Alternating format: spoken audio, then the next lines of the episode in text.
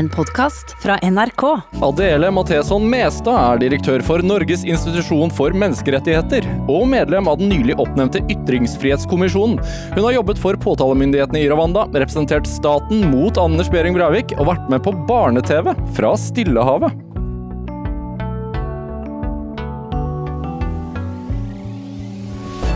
Dette er Drivkraft med Vegard Larsen i NRK P2. Adele Matheson Mestad, velkommen hit til Drivkraft. Tusen takk, så hyggelig å være her. Og gratulerer med dagen. Du har navnedag i dag. Er det sant? Ja, det er sant. Jeg visste ikke at jeg hadde navnedag. Jeg tenkte at navnet mitt var så rart at jeg ikke hadde navnedag. Nei, Jeg ble, fikk den opplysningen av en kollega rett før vi gikk på, så jeg har ikke fått dobbeltsjekket det. Nei, nei. Men uh, Det er veldig hyggelig, da. ja, Så koselig. Takk. man feirer jo ikke navnedag. Nei, man gjør ikke. Men eh, har du det fint? Jeg har det bra. Det er hyggelig å være her. Jeg er veldig stor fan av programmet ditt, så jeg syns det var skikkelig stas å bli invitert hit. Og det er veldig hyggelig at du sier det. Ja, Altså. virkelig. Det er mye bra folk som kommer til deg her. Men også ble jeg litt overrasket, fordi eh, alle disse stillingene og, som jeg leste opp nå, og alt det du har gjort eh, på Altså, du er ikke så gammel, du er 38-39 år, så jeg føler det er imponerende CV allerede. Men altså, du er jurist, advokat, direktør, og så uh, er vant til å stå foran folk. Men du sier jeg er, litt nervøs. Alltid litt nervøs. Jeg er alltid litt nervøs. Det går aldri over. Jeg blir alltid nervøs hvis jeg skal Nå i den jobben så hender det at jeg er sånn som her, da, på radio eller TV. Og før i tiden så var jeg veldig mye i retten, og da var jeg alltid nervøs. Uansett om det var en stor eller liten sak. Klarer ikke å spise frokost og sånne ting. Men, ja. Men hjemme hos oss så sier vi at alle nerver er mobilisering. Det er bra. Da konsentrerer man seg litt ekstra. Ja, så det, man blir bare bedre i jobben sin. Ja. Det er slitsomt, da, Man blir så mye nervøs. Noen ganger så får jeg lyst til å bare gjemme meg inne i et kontor, eller liksom ikke måtte ut der hele tiden. For det er jo litt uh, slitsomt å bli så nervøs så ofte. Men så er det deilig etterpå. Ja. Dette, dette skal gå bra. Dette skal gå bra. Men i tillegg så har jeg hørt at du er tidsoptimist. Ja. Er det et eh, liksom pent ord for å si at man ofte er litt sein? Ja, det er det. Og hvert år på nyttårsaften så lover jeg meg selv at jeg skal bli sånn tidspessimist. Altså at jeg skal beregne den tiden ting faktisk tar, og, og litt til. Men det klarer jeg av en eller annen underlig grunn aldri å gjennomføre. Så jeg er alltid sånn som kommer sånn heseblesende løpende nå, eksempel. Så måtte jeg hoppe inn i en taxi på veien, for jeg hadde jo beregnet altfor lite tid. Og får sånn stress, og det er veldig unødvendig. Fordi de siste fem minuttene før jeg går, da prokrastinerer jeg på en måte. Og jeg skjønner ikke det. Akkurat som det er en sånn slags jeg vet ikke, en selvplaging. Jeg vet ikke hva det er. Jeg klarer ikke å finne ut av det. Jeg klarer ikke å gjøre noe med det. Men er det ikke litt sånn deilig å ha god tid i, liksom, på morgenen helt til man må rekke det? Jo, kanskje det er det at jeg ikke liker å ha sånn vedvarende litt dårlig tid. Men man kunne liksom bare alltid beregnet litt mer i tid. Det får jeg ikke til. Nei. Så tidsdust er egentlig det. Er det, er det en medfødt egenskap, eller velger man det? Jeg vet ikke. Jeg håper på en måte at det er medfødt. At jeg kan si at det ikke er min skyld. Men jeg mistenker at det må være noe annet. Jeg har ikke klart å komme helt til bunns i det. Hvis du finner ut av det, så fortell meg gjerne hvordan man kan gjøre noe Nei, nei, jo, men jeg, jeg, det jeg tenker på, for jeg er litt tidsoptimist selv. Jeg syns Ja. det er en veldig hyggelig måte å si det på. Ja. Og så lurer jeg på, fordi når jeg har fått barn og sånn, så har jeg i hvert fall blitt tidsoptimist. At Ja. det er alltid seint ute. Og Ja. Mm. så lurer jeg på, er det arvelig? Kom, kommer guttungen til å bli liksom alltid litt forsinka? Vet du hva, jeg, Min eldste hun eh, har jo, er jo da barn av to tidsoptimister. Og det er jo slitsomt for henne også, fordi vi kommer jo da ofte for sent. Så hun er egentlig blitt en tidsrealist. Fordi jeg tror kanskje at det er en sånn motreaksjon på, på oppveksten, egentlig. Så jeg, jeg er redd det kanskje er ikke medfødt, men eh, kulturelt. Så hun sier sånn si. Mamma, nå kommer vi for seint. Ja, nå må vi gå, sier hun. Ja. Hun syns det er skikkelig kjipt når vi kommer for sent. Men er det enklere å komme bitte litt for seint når man har blitt direktør? Nei, egentlig ikke, for jeg tenker jo egentlig veldig prinsipielt om dette at man skal ha respekt for andre menneskers tid. Hver gang jeg, Hvis jeg kommer for sent til et møte, og det er fem mennesker i det møtet, så er det jo fem minutter av fem menneskers tid. Da er det 25 minutters tid som jeg liksom kaster bort med at jeg kommer fem minutter for sent. Men det er ikke derfor du kommer for sent. At du ikke bryr deg om deres tid? Nei, det er jo ikke det. Jeg er veldig opptatt av deres tid. Jeg tenker Tid er jo liksom den knappeste ressursen de fleste mennesker har. Ja. Så det er jo veldig respektløst egentlig å komme for sent. Men er man ikke som jurist veldig glad i liksom struktur og orden og Jo, men det er jo veldig Det er jo et vedvarende problem jeg har, egentlig. At um, struktur og orden er ikke min aller sterkeste side. Så sånn sett så er det jo litt sånn kanskje kontrastfullt i forhold til det å være jurist, da, som er en veldig sånn skikkelig og ordentlig jobb. Hvor man liksom har orden på papirene og putter dem inn i mapper og permer og sånn. Det får jeg aldri er, du er ikke sånn? Jeg er ikke sånn i det hele tatt. Jeg får litt kjeft av og til når jeg kommer til møte med sånne bunker med papirer som ligger litt sånn krøllete og en tyggis innimellom og litt sånn. Det ser jo ikke så veldig direktøraktig ut, det. Hva er din sterke side som jurist, da, hvis ikke du har orden? Nei, det, det er jo et veldig godt spørsmål, da. Jeg tror um, jeg kobler ting ganske fort. og kommer på ganske mange nye ideer. Um, og så er jeg ganske flink til å liksom skjønne sens i ting jeg leser og lærer. Så jeg kan plukke opp ganske mye ganske fort. Og så husker jeg ganske godt hva jeg da har lest.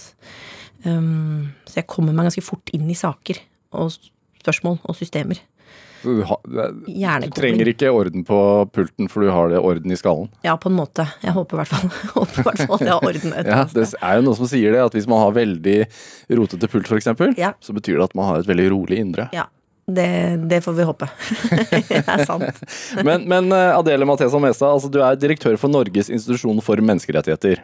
Ja. Dette er et veldig dumt spørsmål, Mm. men hva, hva går det ut på?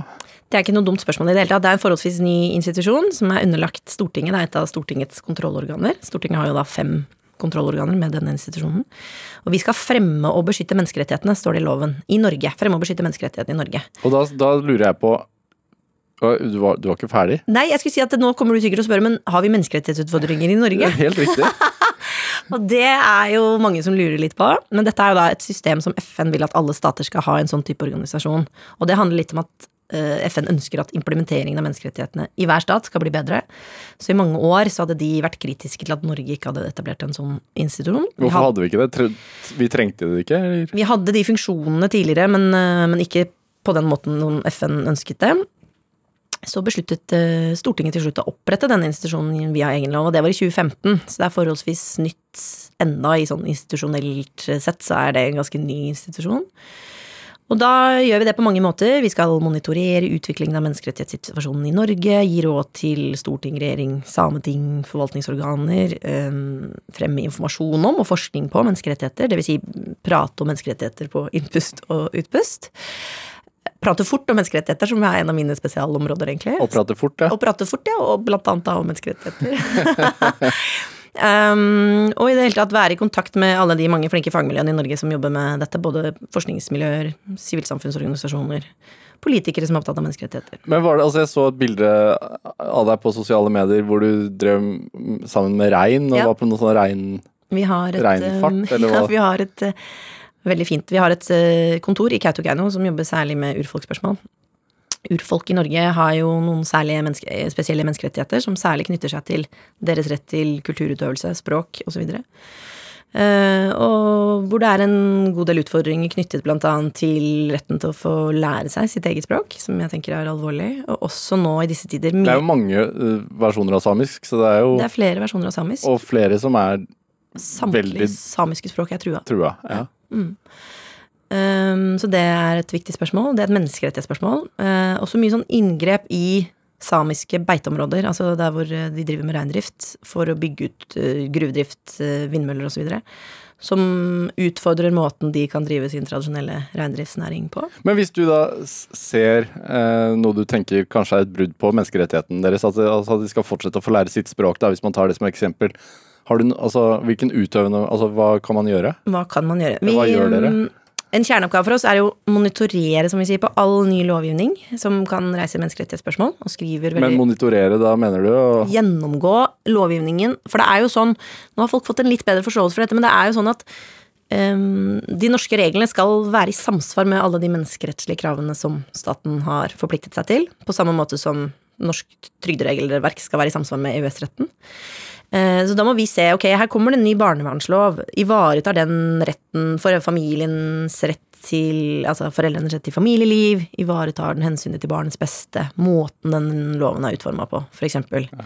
Eller nå er det kommet um, nye regler om omsorgsansvaret for enslige mindreårige asylsøkere. Ivaretar det kravene som menneskerettighetene stiller, da. så hvis man området ser at det ikke blir ivaretatt, så kan man kreve det? så sier vi dette er ikke bra nok, nå må dere tenke dere om på nytt, eller endre den bestemmelsen, eller noe sånt. Og noen ganger, ofte, så er myndighetene enig i det og lytter til det. Noen ganger er jo dette spørsmål man kan ha litt ulike syn på, eh, så da må vi diskutere med dem. Så må vi tenke hm, hvordan får vi, hvordan får vi liksom mest eh, fart i dette argumentet inn mot myndighetene her.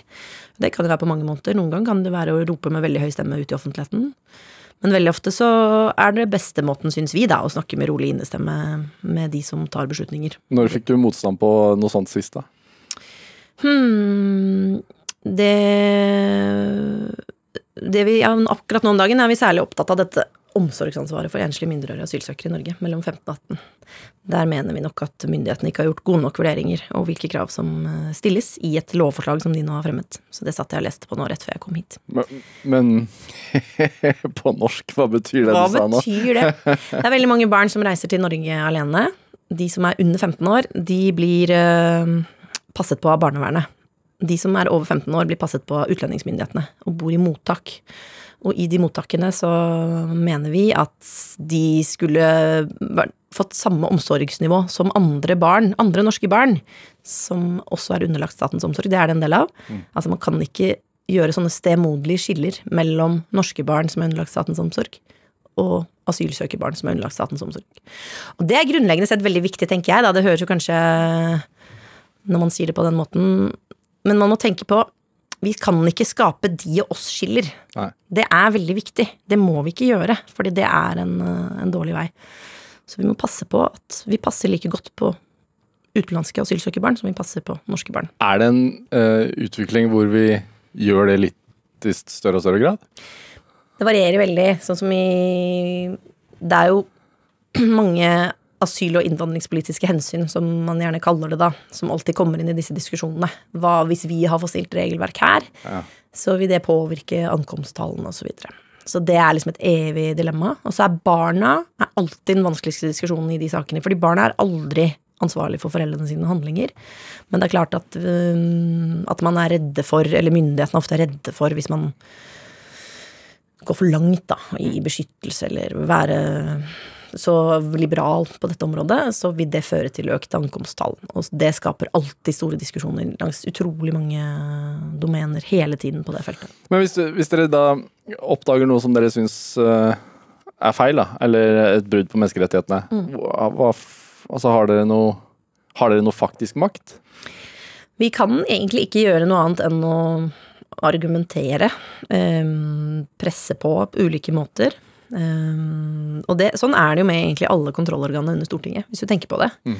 Um, fordi til syvende og sist så må politisk endring skje gjennom politiske vedtak. Vi kan liksom ikke vi kan ikke gi politikerne bøter eller altså, vi har ingen, eller putte dem i fengsel. Altså, vi har ikke noen sånne. Skulle du ønske noen, det? Av og til, av og til så skulle jeg ønske det. Eller i hvert fall eh, sånn, Vi har jobba mye med f.eks. isolasjon eller behandling av psykisk syke innsatte i norske fengsler. Det er et annet veldig viktig temaområde for oss, og for nesten samtlige sivilsamfunnsorganisasjoner som jobber i Norge. Er det sånn, altså, Jeg vil gjerne snakke om det, men når du, når du ser det da med isolasjon og sånn, er det altså, Vil du si at det foregår et slags brudd på menneskerettighetene på disse, med disse tingene? Jeg vil si at risikoen for menneskerettighetsbrudd i Norge i dag er aller størst i relasjon til måten vi behandler psykisk syke innsatte i norske fengsler. Det vil jeg si. Eh, Og det har jeg sagt i mange sammenhenger, og senest nå til kontroll- og konstitusjonskomiteen for et par uker siden. Og da, det var da jeg kom på det med å sette folk i fengsel, for jeg tror Jeg vet ikke om du noen gang har vært i en fengselscelle, har du det? Heldigvis ikke. Nei.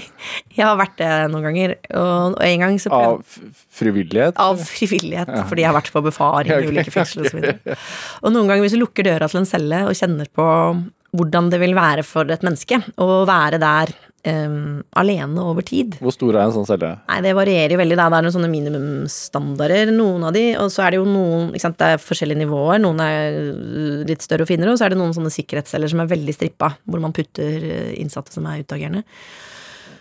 Og jeg tror at alle politikere i Norge burde sittet en liten halvtimes tid i en sånn celle og kjent på følelsen av å skulle sitte der lenge alene uten å få samvær med andre. For hovedregelen i norske fengsler er at du har rett til samvær med andre innsatte. Eh, Det er selve frihetsberøvelsen som skal være straffen, det skal ikke være straff innenfor den straffen i tillegg. Så da mener jeg egentlig det. Det tror jeg kanskje jeg mener. Det begynte jeg å mene nå. At alle, alle justispolitikere i Norge bør ta seg en tur i en sånn celle og sitte der en stund. Og kjenne etter hva det gjør med et menneske. Er det ikke noe sånn at uh, altså på den serien, nye serien til han Petter Uteligger, som Ja. jo har satt seg selv i fengsel, Det er jo litt Det er jo samme poeng, egentlig. Ja. ja, at altså, risikoen for å faktisk bli psykisk syk eh, øker betraktelig hvis man blir satt på isolat, f.eks. Vi ser jo det. Det er veldig mange Det er forskning som tyder på at 92% av norske innsatte har tegn på en psykisk lidelse, eller 4-5 har alvorlige psykiske lidelser, altså um, eh, psykoselignende lidelser. Og um, det er klart at for folk med den type symptomtrykk, så er det å bli isolert alene vil forverre lidelsen. Og så da skal man jo i utgangspunktet ha krav på samme helsetjenester i et fengsel som utenfor et fengsel. Sånn er det ikke i dag. eh, Fordi man klarer ikke å organisere det på den måten. Og det er selvfølgelig ressursspørsmål. Det er veldig ressurskrevende å få til. Det skjønner jeg. Men, eh, men han var det vel sånn med at han ble vel dårlig, eller altså han tålte det dårlig. Ja, i hvert fall det jeg har fått med meg av den serien. Også, men, men da vil jo det å være Altså det å få en fengselsstraff skal jo være en rehabilitering. Ja. Hvor man skal ut i samfunnet igjen. Yes. Ikke en forverring. Nei, og det blir det jo. Så disse blir dårligere. Altså, og rehabiliteres jo ikke. Og hele det norske fengselssystemet er jo egentlig bygget på en sterk tro på betydningen av rehabilitering. At mennesker kan rehabiliteres, og de skal sone sin straff, og så komme ut i samfunnet igjen og kunne fungere i et samfunn. Og hvis de da har fått forverret sin psykiske lidelse gjennom soningen, så skjer ikke det. Samfunnsøkonomisk vanskelig å regne på.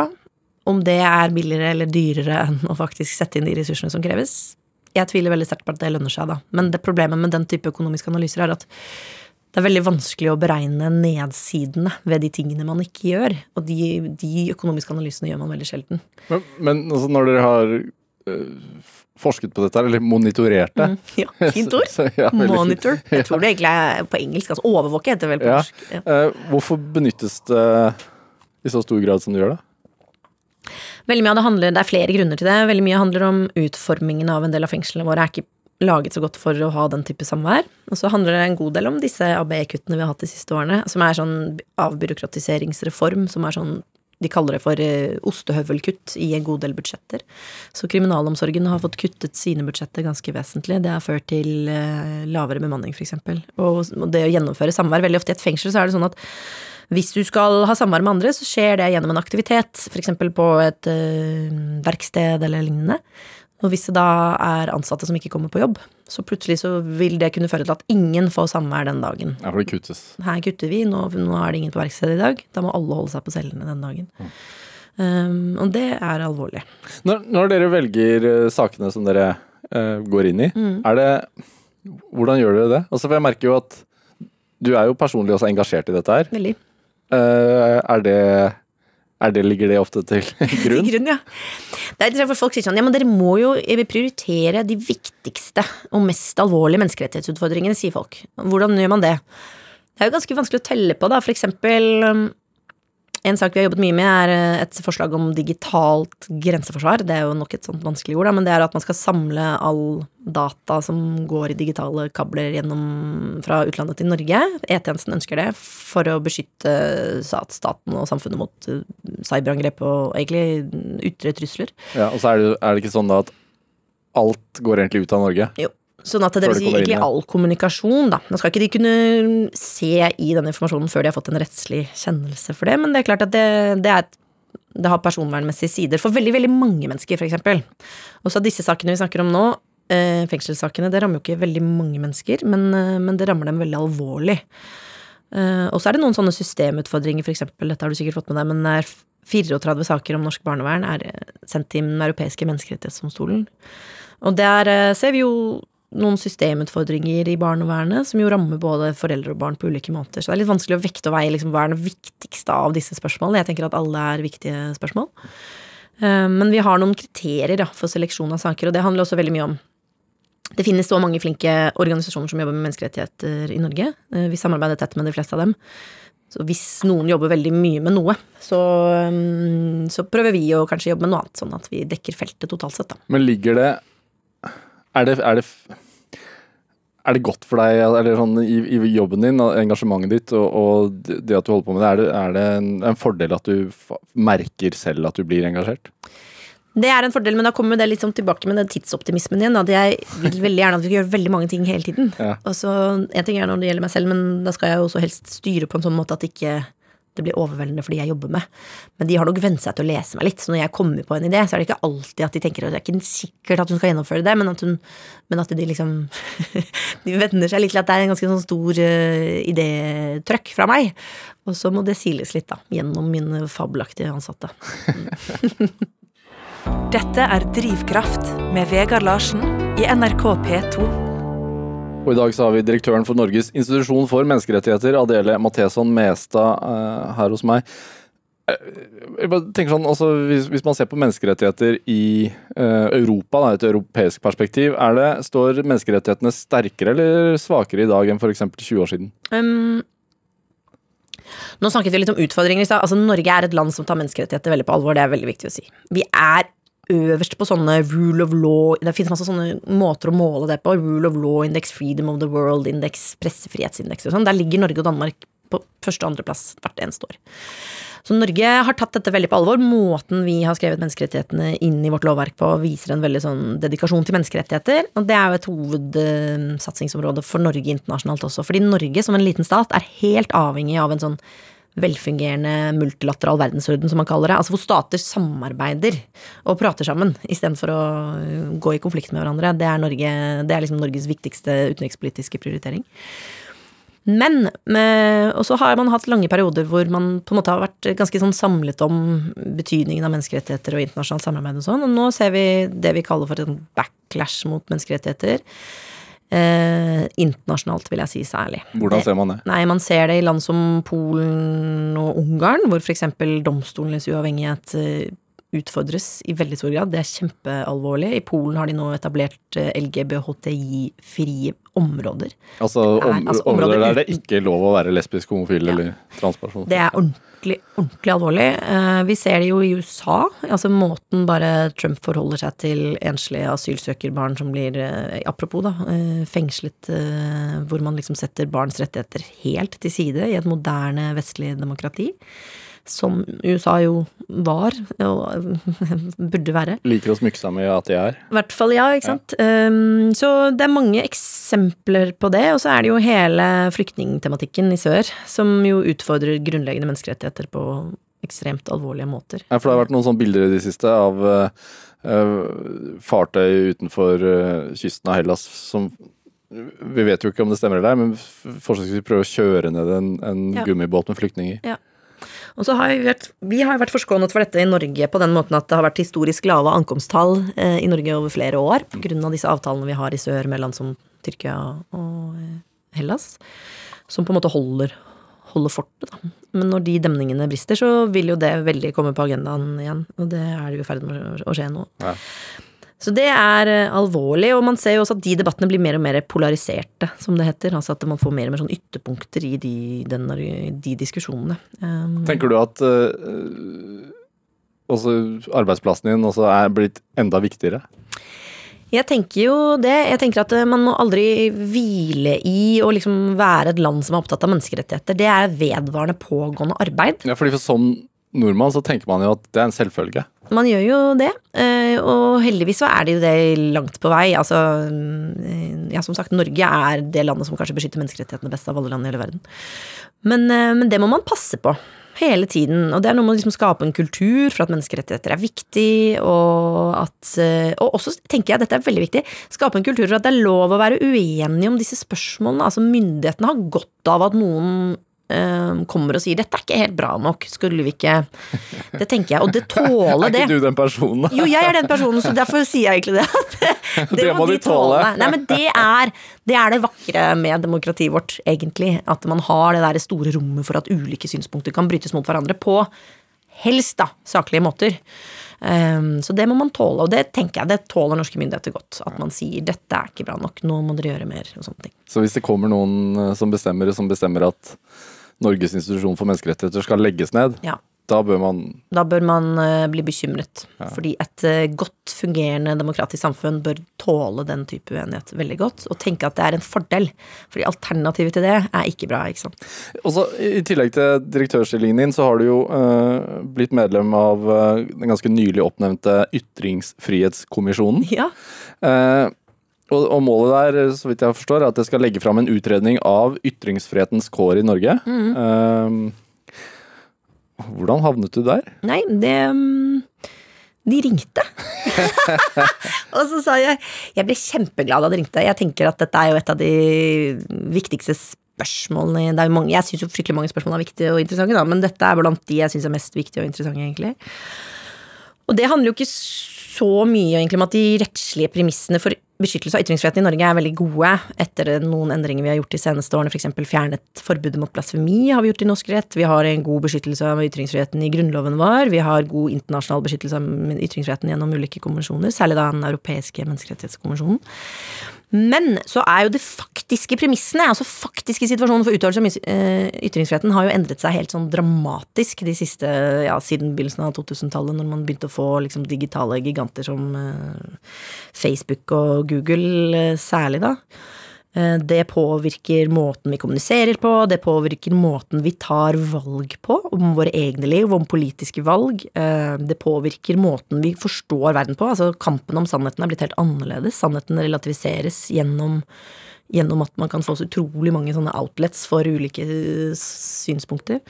Så det er egentlig primært at den faktiske situasjonen for utøvelse av eh, ytringsretten har endret seg veldig. Og da tenker jeg det er utrolig viktig å gå opp det og få en god forståelse av hva det vil si. Og ikke minst da se på hva bør man gjøre med det. Ja, Og hva er en hatytring, hva er en Ja. debattytring, Ja. for eksempel? For det er jo sånn som nå, da, det med hatytringer er jo et særskilt del av mandatet til Ytringsfrihetskommisjonen. Det tenker jeg er veldig viktig. Det er et ytringsfrihetsproblem. Hat, altså Omfanget av hatefulle ytringer kan bli det, for vi ser på masse forskning at personer trekker seg tilbake fra både verv og offentligheten fordi ordskiftet blir for hardt. Og hele poenget med ytringsfriheten er jo å slippe flest mulig stemmer til orde. Så hvis da f.eks. minoriteter eller kvinnelige politikere ikke lenger orker å stå i det, så er det et stort tap for ytringsfriheten. Um, og det er i hvert fall noe man må tenke veldig grundig gjennom hva man skal gjøre med. Det finnes ingen enkle løsninger på det, men det er viktig å tenke godt rundt det. Har du opplevd det noen gang? Altså, å blitt pepra? Eh, ja, hvis man eh, Det er jo noen ting da som er eh, særlig sånn provoserende. Barnevern er et sånt felt. Der får man nesten alltid kjeft hvis man sier noe. Eh, asyl- og innvandringsfeltet. Veldig hardt ordskifte rundt det. Og nå i den senere tid, det har ikke jeg vært offer for, men det ser man jo klimafeltet. Og det bekymrer meg egentlig veldig at det også er blitt så polarisert som noen av disse andre områdene her. Men hvordan har du opplevd det? Altså, er det e-poster, eller er det på internett? Sånn Nei, det er liksom? e-poster og litt sånn kommentarfelt. eh, Men jeg har aldri fått sånn ordentlig kjipt hat, egentlig. Men um, ikke verre enn at du får høre at du er veldig dum, eller, eller sånn. Tenker du at, at det er en sammenheng mellom menneskerettigheter og, og ytringsfriheten i forhold til disse tingene? Um, ja, absolutt. Altså, som sagt, så Altså, før, før i tiden, for å komme til orde offentlig, så måtte du skrive et leserinnlegg eller stille deg på et torg og prate. Eh, mens nå kan jo alle mennesker nå offentligheten med et lite tastetrykk. Eh, om det er liksom om folk er blitt mer hatende nå enn før, det vet jeg ikke. Men eh, de har i hvert fall fått veldig mange outlets for det. Um, Det er, litt- man, det, man trenger litt kortere tid på å skrive noe. Ja, man det er det, det. så man rekker kanskje ikke å tenke seg gjennom så godt eh, hva man skriver. Nei. Men vet du hva jeg har begynt å tenke på i det siste? Um, for det har vært utrolig fokus på dette. Men så har jeg begynt å tenke hva er det jeg ikke ser i dette bildet? Det er jo tross alt også sånn at det er fryktelig mye som ikke er hat òg. Det er veldig mye som er engasjement. For hver hatytring du ser, så er det stort sett ti positive meldinger eller ti likes eller ti former for engasjement eller Jeg har jo vært litt inne i begge disse klimagruppene, for eksempel, for å se. Og så kan man jo bli veldig Folkeaksjon, Folkeaksjon. mot klima og for og imot, da. Ja, ja. Ja. Eh, og sannheten er jo at folk flest er jo veldig bra folk. Det er bare at de andre stemmene er veldig mye høyere ofte. Eh, men folk flest er bra folk. Folk flest eh, de har sluttet å fly, og de spiser mindre kjøtt, og de har fått seg elsykler, og folk flest de leser om klimaendringer, og de snakker med barna sine om det, og folk flest de liker hverandres statusoppdateringer når noen er lei seg, og folk flest de jeg vet ikke, de er fosterforeldre, og de jobber i Røde Kors, og de besøker folk i fengsel og deltar på dugnad, og det er det folk flest gjør. Men um, Og folk flest syns jo også at det er ganske fælt å se at flyktninger f.eks. ikke blir yes, behandlet som mennesker. det engasjerer også voldsomt. Sånn at um, det er et eller annet med men, men, men det skaper ikke på en måte medieoppmerksomhet. Nå har Per eh, skrevet en nydelig post hvor han ber om at vi redder flere folk i, i, i Middelhavet, eller nå har Lise nok en gang vært og besøkt hun på det gamlehjemmet som var helt alene, for hun er besøksvenn. De sakene leser vi jo aldri om. Vi leser bare om det motsatte. Så det tenker jeg er en eh, ganske sånn viktig av Dette handler jo om drivkraft, men um, drivkraft for meg. Jeg tror at folk flest er bra folk. Og de tenker jeg ganske ofte på når man kan bli litt sånn nedslått da, av um, det som tilsynelatende er ytringsrommet vårt. Og der kommer det med digitale endringer inn igjen. ikke sant? Fordi Facebook er jo rigget sånn at de har algoritmer som premierer konflikt. Hvis det er en veldig sånn hissig tråd, så blir den dytta opp i din feed. Eh, det her er det mange som er sinte på hverandre, og, og masse kommentarer og sånn. Da får det fart. Mm. Mens eh, de der Per og Lise som snakker pent til hverandre et annet sted, de kommer ikke opp i din feed på samme måten. Det er i hvert fall dette jeg tror, da. Ja. Um, og da får man et veldig sånn skjevt uh, bilde. Hva håper du den rapporten skal føre til, eller hva tror du kommer til å stå der? Det er veldig tidlig, da. ja, veldig sånn tidlig. Det har jo vært veldig interessante diskusjoner om både det mandatet og mandatsammensetningen fram til uh, nå. Ja. Det tar jeg med ganske ro, stor ro, egentlig. Jeg tenker at den faktiske utviklingen vi har sett gjennom mange år, som det er mange i Norge som har fulgt med på, altså, den må den gode, gamle folk flest også får en bedre forståelse for. Eh, fordi dette er ganske komplisert digitalt. Eh, det er vanskelig å følge med på den digitale utviklingen. Og den har på en måte skjedd under nesene på oss uten at vi helt har skjønt hva som har skjedd. Fra at liksom Google bare var en veldig fin søkemonitor, til at de plutselig begynte å bruke dine søk til å danne grunnlag for målrettede kampanjer, altså reklamekampanjer mot deg. Mm. Det skjedde gradvis, ikke sant. Det er bare ett av mange eksempler. Um, jeg tenker at det er en veldig viktig del av hva skal man si, den offentligheten at vi, at vi skjønner disse tingene. At vi skjønner også hvordan falske nyheter lages og spres. Sånn at vi kan lage oss gode, si, god immunitet mot de påvirkningsoperasjonene som vi til enhver tid blir utsatt for på nett, f.eks. Og at vi også skjønner dette, hvordan denne typen hat, algoritmer eh, sprer hatefulle ytringer osv. Det er liksom et veldig viktig formål. Og så tenker jeg også at um, akkurat i relasjon til dette med utviklingen av ny teknologi, eh, så er det jo et særskilt mandat eh, å se nærmere på både hvordan man kan regulere det, og hvordan man kan bidra til internasjonalt samarbeid om det. Dette er jo hoved, eh, dette er et hovedsatsingsområde for EU. Å prøve å få til bedre reguleringer av disse internasjonale selskapene. Det tenker jeg er viktig. Dette er Drivkraft med Vegard Larsen i NRK P2. Og i dag så har vi direktøren for Norges institusjon for menneskerettigheter, Adele Matheson Mestad, her hos meg. Altså, vi vi snakka jo om, om, eh, at du har blitt eh, nylig oppnevnt eh, medlem av Ytringsfrihetskommisjonen. Det er flotte navn. Ja, ja, det er veldig fint. Menneskerettigheter og ytringsfrihet. Sånn. Ja, veldig, ja, men jeg tenker det når du, når du, sier det selv også. så det er sånn, både, både den, det og jobben din med menneskerettigheter. altså det det, det, det, tilsier, føler jeg, at det er viktig for deg å jobbe med uh, saker som er større enn deg selv. Ja. Uh, og til det gode for samfunnet. Og egentlig demokratiet. Ja. Fordi jeg tenker sånn Når du, du, du begynte jo Da du var ferdig utdannet jurist, så begynte du å jobbe hos regjeringsadvokaten. Mm. Og så er du blitt direktør for menneskerettighetene, og nå er du ytringsfrihetskommisjon. Altså det, du trenger ikke å svare på dette, men jeg antar at du var en ekstremt dyktig eh, student. Uh, og du kunne sikkert fått jobb i et stort privat uh, advokatselskap og tjent haugevis av penger. Men, men, det virker som at det er viktig for deg å jobbe med noe som er større. Mm. Det er nok riktig, og det er jo også riktig, det, det kunne jeg sikkert gjort. Eller det, det, kunne jeg gjort når jeg byttet jobb. Men, uh, eller ja. Men jeg tror um, Dette er jo egentlig et veldig sånn forskningsbasert prosjekt fra min side. da, For det, er jo gjort ganske mye lykkeforskning på hvem, hvordan man lever lykkeligst mulig liv. Og da, sånn som på Stanford, har de gjort sånne gjentatte studier av hvor mye penger må du tjene for å være maksimalt lykkelig. Og både du og jeg, vi tjener antagelig over det nivået og har gjort det noen år. Eh, og så er poenget at det er ikke sånn at du blir litt lykkeligere av å tjene over det. Jeg husker ikke sist gang jeg så det, var det tallet på Er det ikke altså, 600 og noen tusen. Jeg lurer på om det er 750 000. Jeg bruker det som argument hver gang jeg forhandler med sjefen min. Ja. Sier jeg langt unna lykkenivå. Ja, okay, ja ikke sant. Men, men, men i hvert fall, det er ikke det er ikke 17 millioner, på en måte. Og så er Det som jeg syns er mest interessant, det er ingen økning i lykke når du er over det nivået. For alle, altså alle skjønner at det er ekstremt ulykkeskapende å være fattig og ha dårligere og bekymre seg for penger. Men over et visst nivå så handler det om hvordan du innretter livet ditt. Hvor mye impulskjøping driver du med, hvor mange dyre ferieturer drar du på, hvor dyr er bilen din, osv. Så, når vi tenker med en gang man er over det nivået, så burde man jo heller bruke tida si på Eller dette har jeg tenkt for egen del, og jeg mener ikke å predikere dette for noen andre, men for meg selv har jeg tenkt at da burde man jo bruke tida si på noe som bevisst, beviselig kan gjøre deg lykkeligere, da.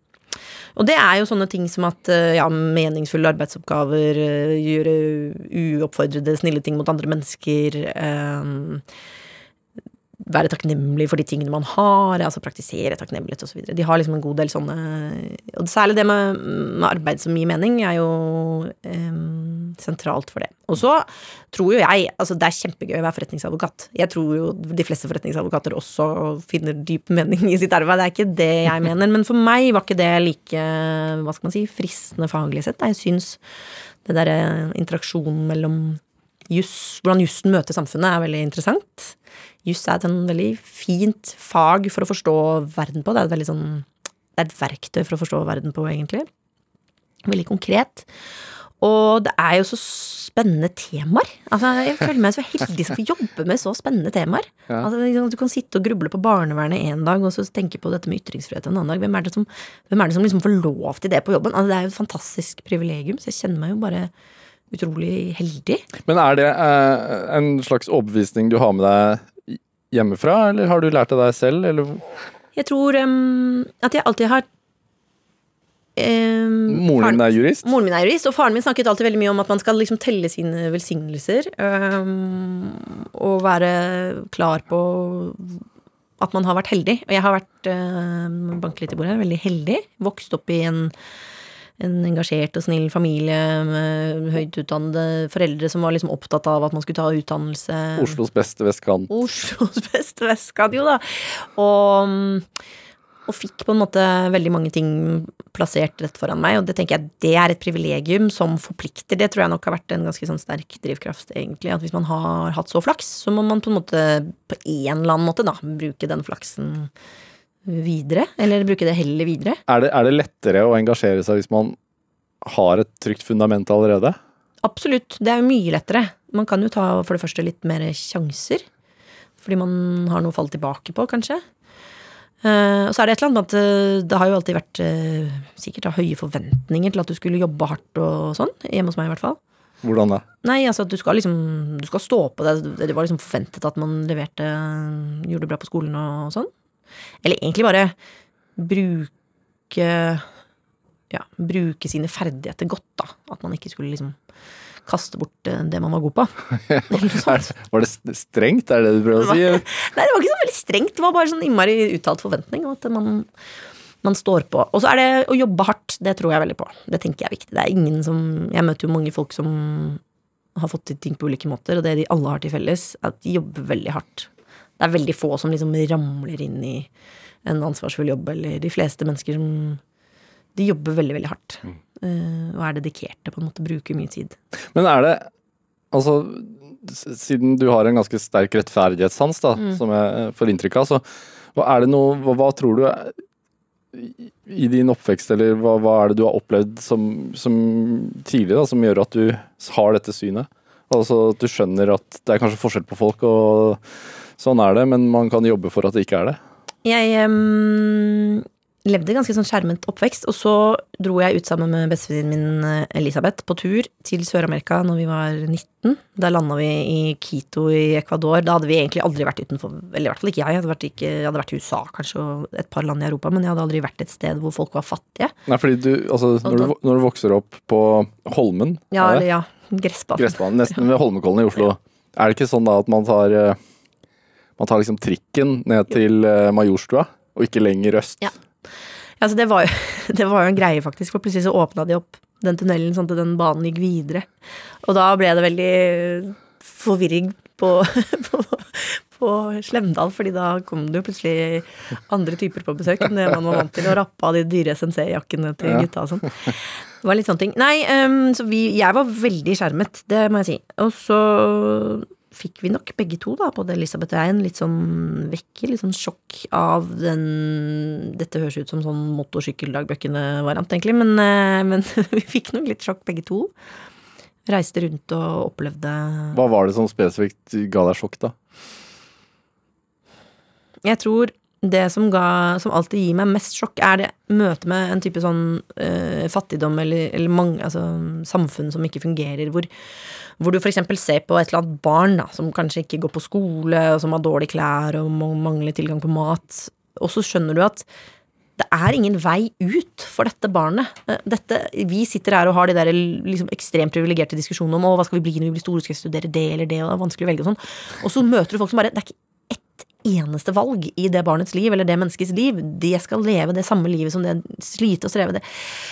Um, du, den du... håpløsheten som veldig mange mennesker lever i, den husker jeg tenkte så mye på. Bare i alle dager har jeg liksom surra rundt i mine egne bitte små problemer, og så er det noen mennesker som Dette er det som livet ga dem, på en måte. Det, det tenkte jeg så mye på, og jeg tror var det noe sånn, altså hvor, hvor, var det du så dette her? Nei, det var um, flere land. Det var både Peru og Ecuador på den tida. Og veldig um, Ja, det var mange kriser på gang akkurat da vi reiste rundt der. Og senere så har jeg jo opplevd det samme i Reist i Rwanda, Uganda Ja, jeg har reist mye i den type land, egentlig. Hvor man har deler av samfunnet som på en måte har falt helt av lasset. Og det som skremmer meg litt nå, kanskje, er at jeg tror jo veldig mye av de bevegelsene vi ser også i Europa og i USA, eh, som handler om en sånn voldsom polarisering og, og valg av politikere som man ikke skjønner seg noe på, er jo litt fordi hvis du lar mennesker for lenge leve i systemet hvor det ikke er noe håp for at ting kan bli bedre, det er klart at da det vil nære et enormt sinne mot den staten som, som ikke skaper det mulighetsrommene. Og i Norge så har man jo et et helt fantastisk velferdssystem. Og et system for sosial mobilitet som jo er helt fantastisk, ikke sant. Gjennom fri utdanning, som jeg tenker kanskje er det aller, aller viktigste et samfunn kan ha.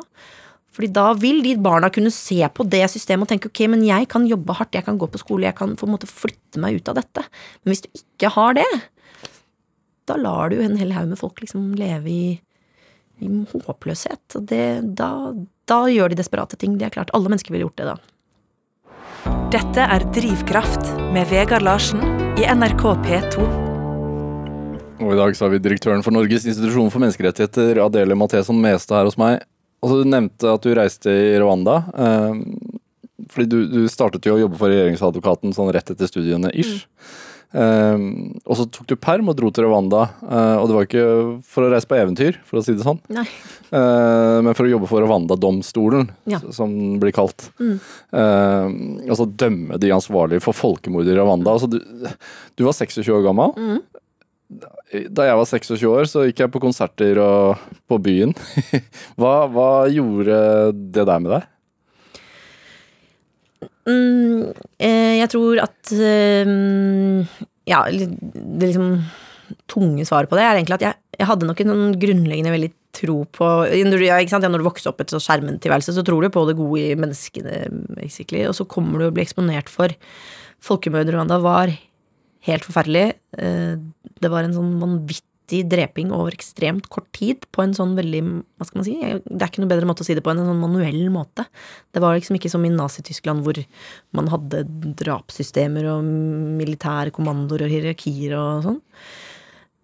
Det var en sånn voldsom brutalitet, og det var en sånn voldsom involvering av nabo drepte nabo som jo gjør at du begynner å stille deg helt sånn grunnleggende spørsmål om menneskers evne til ondskap. da. Så alle de diskusjonene der, det, det endra nok veldig på måten jeg ser på mennesker på, for hvis det kunne skje der, så kan det skje overalt. Gitt de samme hva skal man si, historiske betingelsene. Det er en lang og kompleks historie om hvorfor det ble som det ble. Og det syns jeg var veldig vanskelig å forsone meg med. At det bor i mennesker. Det syns jeg var veldig veldig vanskelig å forsone meg med. Um, og syns fortsatt er nær sagt ubegripelig. Uh, og så tror jeg vel at det har vært liksom en sånn det har preget meg på den måten at jeg tenker at ok, mennesker er ikke bare gode. Eh, mennesker gjør av og til feil, av og til gjør de grusomheter.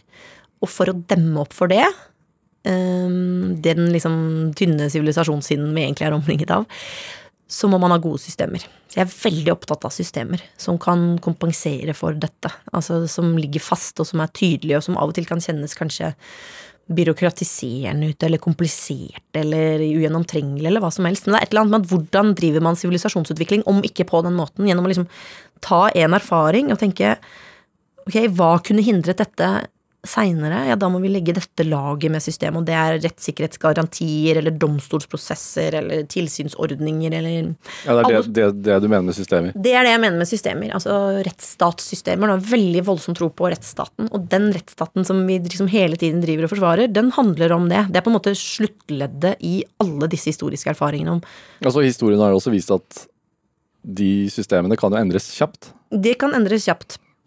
Og noen ganger så tar man jo et system og snur det mot uh, folk, da, så det må man også sørge for at de systemene ikke gjør. Men, men så, må ha, så må man ha forsinkelser i systemer, og det, og det er derfor vi har grunnlov og menneskerettigheter, f.eks. For, eksempel. for dette loven, sånn som Noen av tingene som gjorde at Hitler kom til makten, handlet jo om, om, om, om en, gjennomføring gjennom lovsendringer, vanlig lov. Derfor er grunnlov og menneskerettigheter viktig, fordi det tar lengre tid å endre på de enn det tar å endre på en vanlig lov. Det er egentlig forskjellen. Eh, så det vil si at flere mennesker må involveres. Man må tenke lenger. Altså det er på en måte en sånn slags hinder mot rask utvikling som man ikke ønsker. Um, og når man snakker om det på den måten, så høres det kanskje litt mindre sånn byråkratisk og teknisk ut da, enn når, du, enn når du snakker om det ellers. Fordi det, det er på en måte det beste menneskene har klart å finne på da, for å hindre og ramme rundt de sidene ved menneskene som vi ikke ønsker. Men altså som 26-åring, hvorfor reiste du til Ravanna i, det, i utgangspunktet? Altså, hva, du tok ja, perm, ja. fra jobben? Nei, jeg spurte ikke om det. Spør, spør om jeg husker ikke hva jeg svarte på. Um, jeg um, jeg tror jeg var, ja, jeg var veldig opptatt av I, I lang tid gjennom historien så har jo på en måte noen av de verste forbrytelsene i verdenshistorien uh, blitt stående u... Altså at man ikke har reagert på dem. Man, man fengsler en person som har drept én mann, men en statsleder som har drept 100 000, kan ofte mm, slippe unna med det. Mm. Og så var jo det da tanken rundt både etter uh, Jugoslavia og Rwanda at det kan vi ikke fortsette med, så da lagde man det man kalte for disse adhoc-domstolene etter Jugoslavia og Rwanda-domstolen, og etter hvert også en permanent internasjonal straffedomstol som skal straffeforfølge den type folkemord og forbrytelser mot menneskeheten. Og det er også sivilisasjonsutvikling, for så vidt, men det er en veldig, veldig krevende form for sivilisasjonsutvikling fordi Igjen, da. Det blir Det er krevende, det er mange land som skal involveres, det er eh, byråkratisk, byråkratisk osv. Så, videre. så jeg tror jeg egentlig bare var veldig interessert i å se det på nært hold, hvordan det fungerte. Eh, og ikke minst bidra til det. Jeg hadde vært ganske opptatt av det folkemordet. Det, mm, samtidig husker jeg det gjorde sånn et uslettelig inntrykk på meg under OL på Lillehammer. Det liksom parallelle universene som utspilte seg i den perioden. Men jeg, tenker det er annerledes å sitte under OL på Lillehammer og, og lese om det i, i norske medier, og, og, lese om grusomhetene, det å reise ned.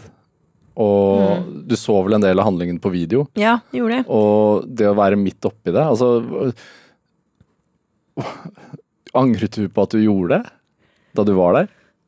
Um, nei, egentlig ikke, men jeg ble nok Det var noe av hva skal man si, idealismen som kanskje ble drept litt. Fordi du skjønte Jeg begynte å ane konturene av kompleksiteten i det. Altså ikke bare kompleksiteten i hvordan det kunne skje i det hele tatt, som er veldig sammensatt, men også det er liksom ikke bare å opprette en domstol og begynne å dømme statsledere for folkemord. Det var noen sider ved det som var ekstremt kompliserte, byråkratiske For eksempel, bare en lite eksempel som at noen av de sakene ble gjennomført over fem-seks år. Det er altfor lenge. Det er egentlig Det var nesten sånn at man kunne stille spørsmålstegn ved om noen av rettsprosessene ivaretok de kravene som menneskerettighetene mm. stiller til en rettsprosess. Så det var noen sånne dilemmaer. Så jeg Men bare for å forstå det, altså, hva, det måtte, altså, hva, var det du måtte se og ta stilling til?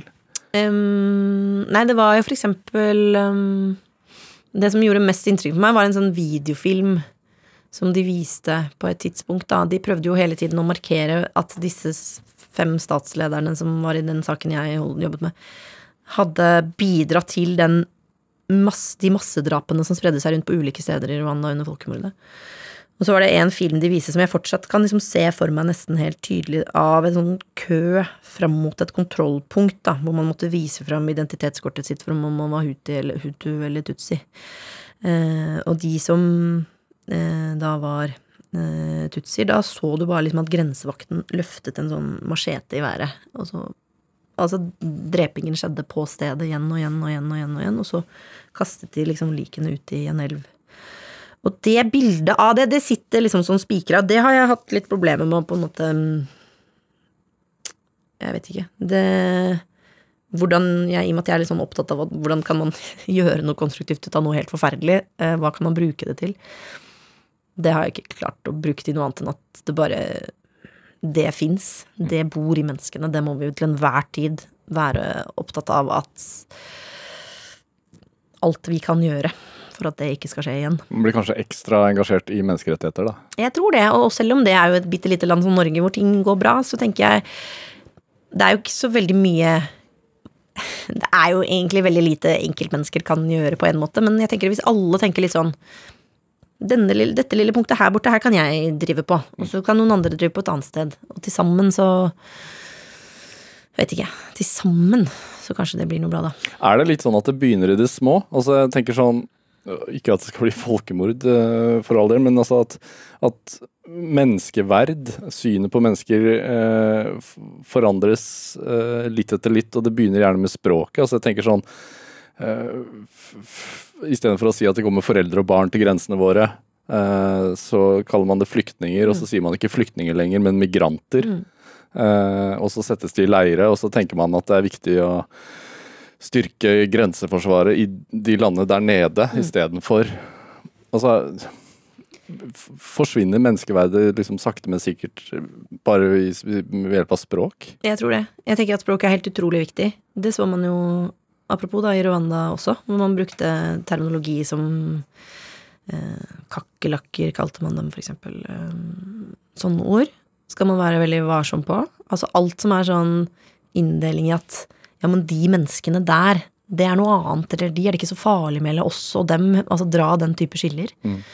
Og det gjør man jo når man ikke snakker om disse migrantene eller eh, som mennesker, men som flyktningstrømmer og andre måter å på en måte fjerne seg fra konseptet om at det er desperate mennesker i veldig ulike livssituasjoner. Noen med velbegrunnede asylsøknader, noen som er økonomiske migranter. Hele kategorien, egentlig. Men, men ja, de er mennesker, og de bør snakkes om som mennesker. Dette er Drivkraft med Vegard Larsen i NRK P2. Og i dag så er vi direktøren for Norges institusjon for menneskerettigheter, Adele Matheson Mestad her hos meg. Jeg må, jeg må spørre deg, uh, for, for å avrunde denne timen her med litt lystig, Ja. litt lystig tematikk. Ja. Hva, hva var det som fikk uh, deg og mannen din, uh, skuespiller Henrik Mestad, altså til å ta med barna deres og seile rundt på Stillehavet, og i tillegg lage barne-TV av det? Nei, det, vi, vi bor sammen med en annen herlig familie som um, Flaskepost. Flaskepost fra Stillehavet. Ja. eh, er, de er veldig kule. De gjør sånne ting som alle andre mennesker bare drømmer om å gjøre. De flytter til en sydhavsøy hvor de lever tradisjonelt. Eh, Og bare spise fisk og må plukke eggene før de kan lage pannekaker med kokospalmeaktig. Hadde bodd eh, på et, eh, et halvt års tid på en øy som heter Tikopia. Som er sånn Altså naboene, naboene dine. Naboene våre hadde bodd der og Ja. laget barne-TV, på sesong én. Og der møtte de en sånn um, hippiebåt, vil jeg si, med en båt med noen ganske frie sjeler som seiler rundt i Stillehavet.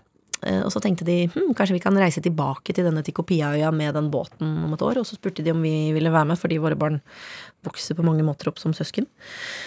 Og det tenkte i hvert fall jeg tenker ikke alltid ting så innmari nøye gjennom, så jeg tenkte at det var en kjempegod idé. Um, Stillehavet, tenkte jeg, det er jo et uh, stille, deilig hav hvor man kan gå rundt i stråhatt og vet ikke. På dekk, ja. Eh, og da tror jeg vel Henrik på et eller annet tidspunkt sa sånn Men du blir jo veldig sjøsyk. Og så tenkte jeg sånn Nei, men altså, det er Stillehavet vi snakker om her. Um, så vi dro av gårde. Henrik er jo mye mer sånn som tenker ting igjennom enn det jeg gjør. Så han hadde nok sett for seg at dette kunne bli litt krevende, men um, Men jeg hadde ikke reflektert så mye rundt det, egentlig. Jeg hadde pakka bagen min og tatt med meg treåringen og seksåringen. Og var, var Stillehavet stille? ja, det Stillehavet var ikke stille i det hele tatt. Vi satt ut fra kysten, og vips så møtte vi sånn fire-fem meter bølger over tre dager. Og det regnet, og vi kom til vår første lille øy, og da kom hele landsbyen padlende ut i noen sånne trekanoer. Og gikk om bord i båten, og alt var søkkvått, og vi var skitne og nedspydde, og det var i det hele tatt en ganske annerledes opplevelse enn det jeg hadde sett for meg. Det var litt sånn sjokkarta start. Men så kom det seg veldig. Vi em, kom til noen sånne atoller som ligger der, som er altså, så vakre at du bare ikke vil tro det. Og du kunne liksom bytte et par gamle solbriller med en papegøye eller en fisk, og det var sånn, eh, vet ikke jeg, fantastisk. Og også sånn forståelsen av Herregud, vi fyller livet vårt med så enormt mye. Altså, vi fyller livet vårt med helt enormt mye.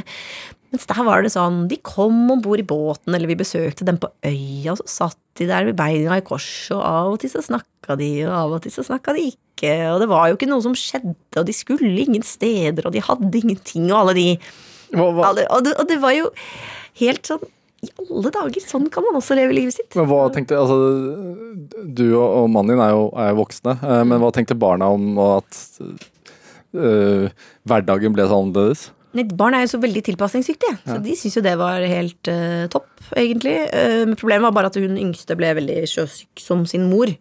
Så det var veldig vanskelig etter hvert å få i henne nok næring. Så på et tidspunkt så måtte vi hoppe av båten en stund da, mens den seilte videre. Og da befant vi oss plutselig på Solomon Islands, en by vi aldri hadde hørt om før, Honiara.